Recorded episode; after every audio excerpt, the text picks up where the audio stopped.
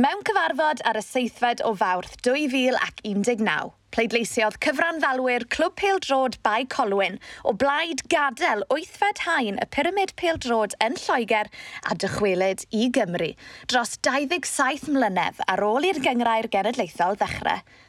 Roedd y newyddion yn hwb mawr i'r pyramid yng Nghymru, ond roedd trwbl ar y gweill yn y gogledd i ddau arall o'r Irate 8.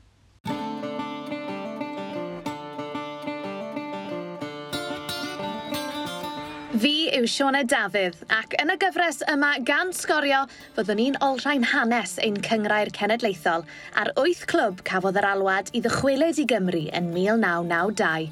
Fe glywn ni wrth y cefnogwyr a'r chwaraewyr oedd yno ar y pryd.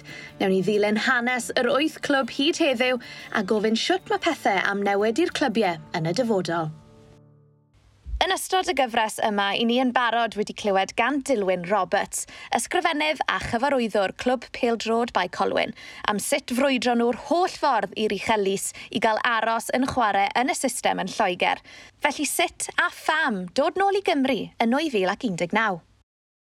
Taswn ni heb di dod yn ôl, mae yna siawns na fydda Colwyn, by Colwyn mewn bod ar y munud, e costa oeddwn ni yn, yn cael yn, yn Lloegr. Felly, mi gythyn ni gyfarfod o'r um, cefnogwyr ac o'r um, uh, shareholders yn, yn y clwb yma.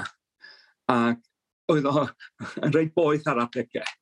Ond uh, ar ddiwedd y dydd, mi roedd y costau chwarae yn Lloegr di mynd yn anhygoel o ddweud y gwir. Just y costau o teithio. Dwi'n meddwl, um, yr un y flwyddyn dwytha, oedden ni yna ar ei gostio dros 20,000 mewn um, bwsys i just i fynd i'r gema efo chwaraewyr mo. Ac oedden ni'n cael uh, torfeidd o rhyw 200, 200 a hanner. Wel, oedd ddim yn, oedd ddim yn bosib cario ymlaen ar y sail yna.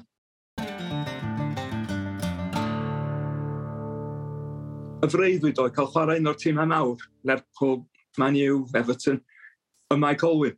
Ond y teimlad ydy os dyna'r unig beth da chi'n medru freuddwydio, um, dom, dom yn uchelgeisiol ofnadwy. Ac wrth gwrs, y dadl yn amlod yn ôl oedd, ia, yeah, mae'r gyngrau wedi bod yn mynd, mae wedi bod yn llwyddiant, a dwi'n falch i fod o, achos o'n i wedi gwybod ers pan ni'n ogyn ifanc pam nad oedd yna uh, League, of, League of Wales, uh, League in Wales, felly bod, dros Gymru i gyd. Ond um, dwi'n falch bod wedi bod yn llwyddiannus ac uh, Dwi'n meddwl na rwan, jyst merthyrs ar ôl. A ti'n bell am y bai Colwyn yn y cwestiwn. Blaw am, fedra'n feddwl am dri neu bedwar sydd heb di dod i gêm ers pan di'n dod nôl i Gymru. Ond ar y llaw arall, mae'r uh, torfeiddi yn trebl be oedd nhw cyn i ni, cyn i ni ddod yn ôl. Mae yna rhyw wefr o gwmpas y dre, a mae'r cefnogwyr, mae yna busnesau yn dod i'n noddi ni, a um, rhaid fi ddweud, o'n, o'n i'n mynd i ysgwyl cymaint o uh, bositifrwydd, uh, i, i fod yn onest. Oedd yr ymateb yn bositif ymysg y gymuned wrth i bai Colwyn ddychwelyd i'r system yng Nghymru. Ac mae profiad y clwb yng Nghyngrair y Gogledd wedi bod yn un bositif hefyd, gyda chostau teithio yn dipyn llai erbyn hyn. Mae gen i ni fos yn mynd i rhan fwy o gemau ffwrdd. Uh, Fas, oeddwn i'n gwneud hynny o blaen. Um, a dwi'n meddwl bod bob, bob man da ni'n mynd, mae'r uh, mae tîm cartref yn falch yn gweld ni, chos mae yna gymaint o dor, dorfeidd yn dod. Dwi'n trio bod yn, uh, yn braf efo, um, efo bob ysgrifennu dwi'n chwarae a uh, siarad efo nhw. A maen nhw i gyd yn uh, dymuno hwyl na i ni, ond baswn nhw'n licio gweld ni'n ôl yn ei cael nhw uh, flwyddyn nesaf hefyd. Um, a mae pobl dwi'n deud, uh, amball i bobl yn deud, mae'r ma, ma uwch gyngrair angen bai colwyn, mae bai colwyn angen yr, yr uwch gyngrair. Ac ella, dwi'n cofio, dwi'n yn y 60au, dwi'n cofio'n cyn i fod yn deg oed mynd i'r hen gau yma i Colwyn, chwarae Bangor, chwarae Cynarfon, chwarae Rhel, ac mi fydda yna ddwy 2000 yna. Sgwrs yn y dyddiau yna, ddech chi'n mynd drosodd i Lerpwl a Manceinion a llefydd arall. A dwi'n yn gweld ella faswn ni'n cael gymaint o hynna nôl. Dwi'n gobeithio cael torfeidd o dros fil yn rheolaidd yma. Mi'n byddwn ni medru dal 1,800 o seddi uh, unwaith mae'r uh, Eisteddle newydd wedi orffen, a dwi'n edrych allan ar y, y gwaith rwan. Ac um, uh, mi fyddwn ni wedi cael, dwi'n mynd am 2,000 a hanner o, o, o, o dorfeidd yma. Na'i'n dweud hyd yn oed rwan, ond hyd yn oed at eich tymor diwetha oedden nhw'n cant, efallai bod nhw'n 98 y cant, yn, uh, yn, yn, yn gweld be oedd y rheswm ond lodd rwan llawer i gant y cant um, bod, uh, bod ni wedi gwneud y penderfyniad iawn. Bai Colwyn yn hapus iawn gyda'r penderfyniad i ddechrau o'r newydd yn y pyramid pildrod yng Nghymru yn 2019 felly. Ar hyd arfordir y gogledd tuag at y gorllewin, roedd cynlluniau ar y gweill i ddechrau clwb newydd ym Mangor. Clwb protest yn ymateb i'r ffordd oedd Clwb Pildrod Dinas Bangor yn cael ei redeg. Dechrau'r diwedd i ddinas Bangor oedd pan gymerodd y cwmni Vaughan Sports Management, VSM, reolaeth o'r clwb yn 2016. Roedd gan y cwmni gysylltiadau gyda theulu Stephen Vaughan Senior oedd arfer bod yn berchenog ar glybiau Pildrod Barrow a Chair. Fe oedd y person cynta i fethu prawf Cymdeithas Bêl-drod Lloegr ar gyfer person addas a phriodol i berchen ar glwb Pêl-drod, y Fit and Proper Person Test. Penodwyd ei fab, Stephen Vaughan Jr. yn gyfarwyddo'r Pêl-drod Dinas Bangor ym mis Tachwedd 2016. Yn 2018 fe orffennodd Bangor yn ail yn uwch gyngraif Cymru, ond fethon nhw gael trwydded hain un am resymau ariannol ac fe ddysgynnon nhw lawr i gyngrair y gogledd. Yn ystod yr haf yna, fe gyflwynwyd deisebau dirwen i ben i'r clwb, winding up petitions, ar ôl iddyn nhw daliau biliau treth yn hwyr. Fe nath y problemau barhau i ddinas Bangor yn yr ail hain, ac roedd y cefnogwyr wedi cael digon. Yn Ebrill 2019 dechreuwyd clwb newydd gan y cefnogwyr, Bangor 1876. Dafydd Hughes yw ysgrifennydd y clwb. mi oedden ni wedi dechrau uh, syffedu ar beth yn digwydd o dan y fons um, a hynny cyn i'r eidalwyr ddod i mewn. Um, a benderfynwyd, wel, oce, okay, um, beth am mynd, oedd yna rhyw ffasiwn ar y pryd, FC United o Manchester a nifer o dimau eraill, hyd o'r Rexham um, ar y pryd, oedden nhw heb werthu allan y dygono, ond oedden nhw yn ilo'r um, cefnogwyr, ac eithon ni ddipyn o help gen Rexham pan oedden ni dechrau. Um, eithon ni um, benderfynu fel Cymdeithas Cefnogwyr bod ni eisiau uh, sefydlu tîm o ddim yn, yn, uh, dibynnol ar arian o'r tu allan. Oedden ni'n yn ofnadwy o lwcus, a mae rhaid fi ddweud, rhaid fi dalu teinged, heb Prifysgol Bangor fysa ni uh, ddim yma heddiw um, oedden nhw'n digwydd bod yn cael y cyfleusterau newydd mae'n treborth, y 3G, um, ac er bod yna marcio rygbi yna, fo, bydd yn meddwl gawn ni'n chwarae yna sawn ni ddechlafiad i, i tier 2 mae'n ymddangos.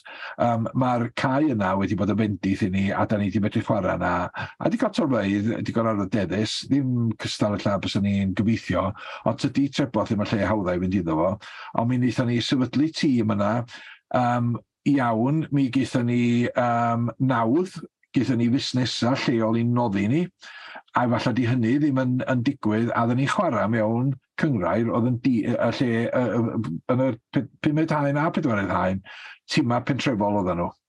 Ac wrth gwrs, mi fyddwch chi ddweud, big time Charlies oedden ni dod i mewn, ond oedden nhw'n cwyno pan oedden ni'n mynd i'w ceia nhw, achos oedden nhw'n cael rhai canoedd o bobl yn dod i'r gyma, a rhai canoedd os nad miloedd o bres i mewn dros y bar neu dros y caffi gan y blaen. Um, wrth gwrs, wnaethon ni obsetio bobl yn y flwyddyn gyntaf trwy arwyddo dau chwaraewr yn broffesiynol. Ac oedd hynny newid, gwir newid yr, yr gyngrair yna, oedden nhw'n gorau byw efo ffenestri trosglwyddo ac yn y blaen ac yn y blaen, a wedyn oedden ni'n am y blogaidd. A am o'n i, da ni dal yn am y blogaidd, da ni'n am y blogaidd rwan, oherwydd bod ni yn Wel, mae gen ni y uh, meddylfryd yma, da ni'n mynd allan i upsetio neb, da ni yn trio cydymffurfio efo'r rheola, da ni'n gweld, darllen y rheola, gweld lle mae yna gyfleon, a dyna sydd gyda ni ddechafio llynydd, oherwydd bod ni'n ymwybodol bod na um, nifer o glybiau yn mynd i, bod na 64 o glybiau ar y trydydd haen, a bod yna'n ddigon o glybiau yn gymwys sy'n mynd i fyny um, o ran y record chwarae, a mi wnaethon ni gais Ac wrth gwrs, o gyda ni record anhygoel, os gael ddeud, yn, yn, y, yn y ddau dyma gyntaf. Oce, okay, da ni, da ni'n cael y torfeidd fysa ni'n gobeithio, ond da ni'n cael rei digon da. Rwy'n o flwyddyn nesaf, da ni, yn, um, da ni fod yn digon hy ac yn, ac yn ffyddiog am o'n i bod ni'n mynd i gael dyrchafiad i'r ail haen. A dyna be oedd yn cynllun pum mlynedd ni um, i ddechrau, falle bod ni mynd i wneud oedd byn cynt, o bod yn haen dau um, ar ôl pum mlynedd. Ac da ni'n gobeithio bod ni'n ar flwyddyn nesaf, wedyn mae hynny'n codi cwestiwn lle da ni'n chwarae. Dyna di'n bwriad ni, bod yn uh, haen dau yn y Cymru North neu Cymru Gogledd ac yn chwarae yn O ran ffordd da ni wedi colli lot o bobl ers 2011 pan eithon ni symud o ffordd ffarar. Um, Dydy pobl yna heb ddod yn ôl. A sicr da ni wedi colli pobl oherwydd bod ni ddim yn chwarae nadporth sydd yn agosach i ganol y ddinas. Wedyn mae hyn i gyd i wneud efo cyfleistra. Erbyn heddiw, da ni'n cystadlu efo bob math o adloniant. Mae yna adloniant ar y teledu, mae yna, a wrth gwrs mae yna lot fwy erbyn heddiw o fysys yn mynd am Lerpwl a Mancinion, a hyd yn oed Wrexham um, nag oedd yn y gorffennol. Wedyn, da ni'n cystadlu, a, a wedyn bydd ni'n drio wneud ydy, ydy bron um, reid rhyw fath o product ar y farchnad i bobl Fangor iddyn nhw ymyfrydu yn y ffaith bod i tîm lleol nhw, ni ydy tîm Bangor erbyn hyn. Um, di, chi anghofio am yr hen Bangor City, um, a ni fydd o, um, wel, am ychydig flynyddoedd o leia hyd y gwelai da. Ym mis Medi 2019, fe newidodd perchnogaeth Dinas Bangor unwaith eto, gyda'r eidalwr Domenico Serafino yn gydeirydd ar y clwb. Erbyn diwedd 2021, roedd Cymdeithas Beildrod Cymru wedi atal y clwb rhag unrhyw weithgaredd yn ymwneud â Beildrod, wedi iddyn nhw beidio talu staff a chwaraewyr. Gêm ddiwetha, Dinas Bangor oedd colled yn erbyn Bai Colwyn ar yr ugeinfed o dachwydd 2021. Er tristwch am sefyllfa clwb Dinas Bangor, mae'r clwb newydd 1876 yn cynnig gobeith i rai o gefnogwyr Pildrod Bangor, gan gynnwys y cyn reolwr, Neville Powell. Well, I'm, I'm going to try and get down there to see him because there's a, there's, there's, there's a lot of supporters there that supported me. you know, and they, they, just they just love their football that much. It doesn't matter whether it's Bangor City or or Bangor 1876. They they want they want the best for the town, don't they? And it's a you know it's an unbelievable place that you know they they deserve it. You know what I mean? It's just it's just a shame that what happened to Bangor in the end. Cafodd tymor cynta Bangor 1976 ei dorri'n fyr oherwydd pandemig Covid. Yn ystod y cyfnod yna o ansicrwydd lle roedd saib i beildrod ar draws y wlad, roedd pethau'n dod i ben i glwb peildrod y Rhyl. Ond dilyn esiampl Bangor nath y cefnogwyr a dechrau clwb newydd, fel mae Adam Roach a Fred Francis yn esbonio fan hyn. Forecasting for the year ahead and looking at the money that was needed to keep the club sustainable at tier two of Welsh football. And then you add the, potential risk around COVID just kicking off at that point as well. Um, unfortunately, the committee and the, the, board of directors decided that the, the only sensible thing was to not incur any debt and the old club had to be wound up. Chwalfen y clwb yn ariannol, ond, um, ond i bob pwrpas alffurfio, yr un traddodiad, yr un cefnogwyr, yr un stadiwm diolch beth, a'r un, yr un cystadleuaeth yma Bangor sydd wedi dilyn uh, llwybyd tebyg am rysym y gwahanol felly, felly mae ma sag yn parhau. It's hugely important, isn't it, football in, in the community. Real has had a football club since 1879. Real has played at, you know, Bellevue since the early 1900s. Um, you know, for, for the community of Rill or participants of Rill in and around that, every Saturday is a thing. You know, you go to the match. Um, so it, it plays a massive important role for for and you know any community, and Rill was no different. The emergence of the new club, CPD Rill, 1879, you know, isn't the first time that's happened in Rill. You know, so it, it's a comp. You know, typically what happened was the old company had to be wound up because it wasn't financially stable and a new company was created that born the new club. Um, the stipulations in Welsh football now means that you can't obviously be called the same club name because you know it, it doesn't exist. So that's why the new club was formed. But technically, you know, when you take it right back to simple terms, the football club is still in real. It's got a different name. It's got a slightly different badge. Um, it's got some different people, but football is continuing in the community of Rhyl. Felly lle na dechrau creu clwb peldrod o'r newydd? Adam Roach yw cyfarwyddwr Clwb Pildrod y Ryl 1879, a tra bod pawb dan glo ar ddechrau haf 2020, dyna oedd yr her iddo fe, fel un oedd yn rhan flaenllaw o greu'r clwb newydd. It was an easy sell and easy on paper difficult to actually deliver. I don't think Tom or myself, you know, Tom's Tom's the chairman, I'm the MD. You know, we were the sort of remaining two from the former club, but it was with the support of the fans association who were really keen to one make sure there is a football club quite rightly fans demand that and that's the the demand you get when the absence of that football club um, becomes apparent um, but equally it was um, it was nice for for them to want us to be involved as well so um, so that we had the the demand we had the the support if you like um, the difficulty was going right how do you create a football club? What do you need to do? And everything that goes with that. So, you know, it, it's the whole everything from the governance to the badge to the kit to, you know, you've gone from nothing to all of a sudden you're going to play a game of football. Now, doesn't sound that difficult, but when you think of everything that you need to do that, including we wanted to do it in the right way, starting off with the right values, um, to be community based, but equally we want, didn't want to lose the the heritage and importance of the past clubs um, that have, you know that have been in Rhyl, um, and we also didn't want to lose our spiritual home, which is Bellevue. So we all we had to sort of unpick and plan all of those various stages. And myself and Tom during those early COVID days spent evening after evening after evening, evening as as most of us did uh, on Zoom calls as we are now. Um, and it was like do the day job, have something to eat, and then for you know lots of hours every evening, make you know deciding on things, who to engage, how do we make the right decision for setting the new club up in you know the best way possible.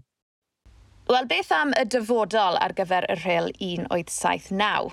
Beth yw'r nod ar gyfer y clwb newydd? Um, history tells us that um, the support that Real can bring to Welsh football, you know, is needed in Welsh football. Um, you know, during those famous moments um, when Real was competing in the Welsh Premier in the top division and, and even the six times it's played in Europe, um, thousands of people have supported Rhyl. Um, Rhyl needs that. I think Welsh football needs it. Um, some of our rival clubs may disagree with that, but then I'm slightly biased, of course. Um, but ambitions, look, you know, we'd love to be back there but we're really realistic that you know we, we cannot run before we can walk. Um, it's got to be sustainable growth is one of our priorities, but equally, um, we're also really keen to make sure that it's not just about the men's game and get playing in Europe. You know, the new club has got a squad of 25 men that play um, in tier three at the minute. But what we have got is we've got a women's senior team, we've got a women's under 19s team, and we've got lots of junior girls teams. So we've got over 100 female players and only sort of 25 male players. So at the minute, our priority is that community, is the, you know, the inclusivity that we're bringing to football in and around North Wales. Um, but we know that the, the popularity at the minute still is in the men's game with the, the female game catching up closely. There is a lot of things that we are now considering that the old club didn't.